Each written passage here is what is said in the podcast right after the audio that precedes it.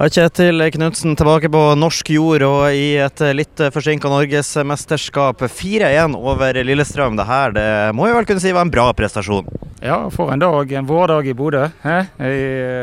Nei, fantastisk. Eh, vi får litt dårlig start. Eh, vi roter det litt til for oss sjøl, eh, uten at jeg syns vi blir preget av det. Moralen og konsentrasjonen er der. og over 90 minutter så syns jeg at vi viser hvor Glimt er kommet. Og, og jeg syns prestasjonen totalt sett er egentlig med flotte angrep og eh, høyere intensitet enn det Lillestrøm klarte. og Da, da ble det 4-1 og en veldig fortjent seier.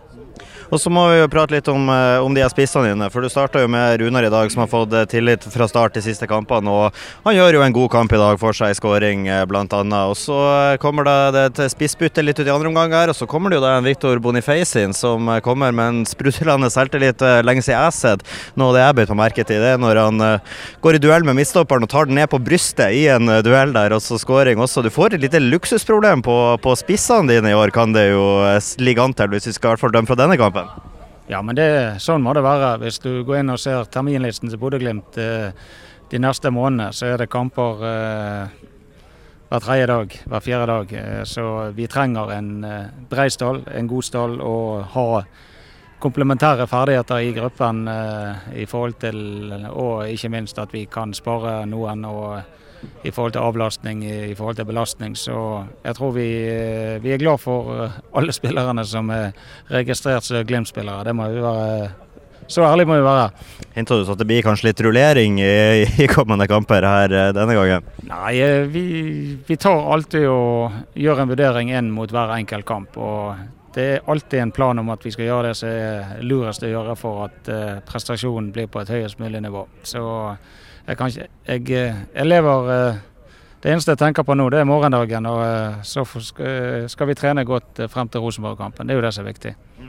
Apropos Rosenborg-kampen, som jeg starta innledningsvis med. Tilbake på norsk ord igjen og norsk motstand i en tellende kamp. Det begynner å bli noen måneder siden sist i tellende kamper. og Hvis man skal ta det her til sammenligning, så ligger man jo ganske bra anda. Og seriestart, som du er inne på her, det neste.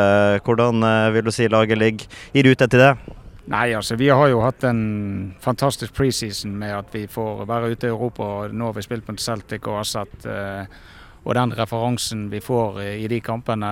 Og eh, vi, vår preseason denne, denne gangen, det var tre uker. Så det må, vi, det må vi tenke på og forstå hvor privilegert vi er. Og det gir eh, fantastisk læring.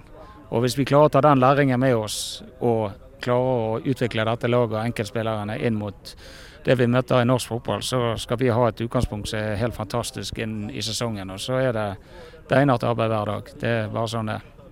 Og helt avslutningsvis, Vi har jo hatt noen fantastiske rammer på Aspmyra, eh, spesielt i europakamper nå, både mot eh, Celtic Aset og eh, ikke minst Roma i gruppespillet, med en smekkfull stadion og ei sides stemning. Nå er det noen tribuner bak oss her som begynner å bli ferdig, og det er knappe to uker til Rosenborg. Hva har du i oppfordring til, til Bodø-publikummet før, før seriestart? Ja, nå hørte jeg at det var 3001 i dag, og de var helt eh, Altså de som kommer på stadion, jeg syns det gir eh, ekstremt mye av seg sjøl. Eh, støtter laget, og vi får en flott ramme, syns jeg.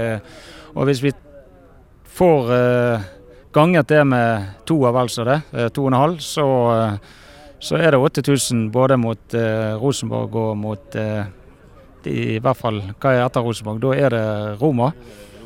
Sant? Og da, da, må ikke det bare være sånn at det er Europa vi skal fylle denne stadion. De opplevelsene og det vi bygger sammen, denne identiteten dette gir, og eh, forhåpentligvis fantastiske opplevelser, det, da er det bare for folk å komme. Vi, vi setter pris på hver eneste en som kommer. Takk for det, og gratulerer med avansement.